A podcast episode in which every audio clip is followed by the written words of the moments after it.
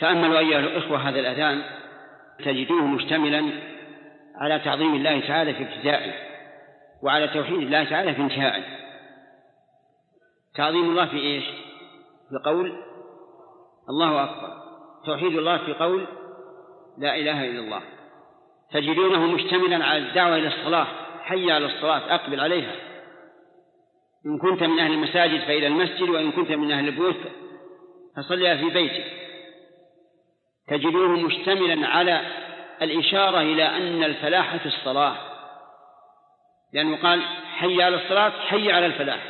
إذن الصلاة فلاح والفلاح هو حصول المطلوب والنجاة من المكروه.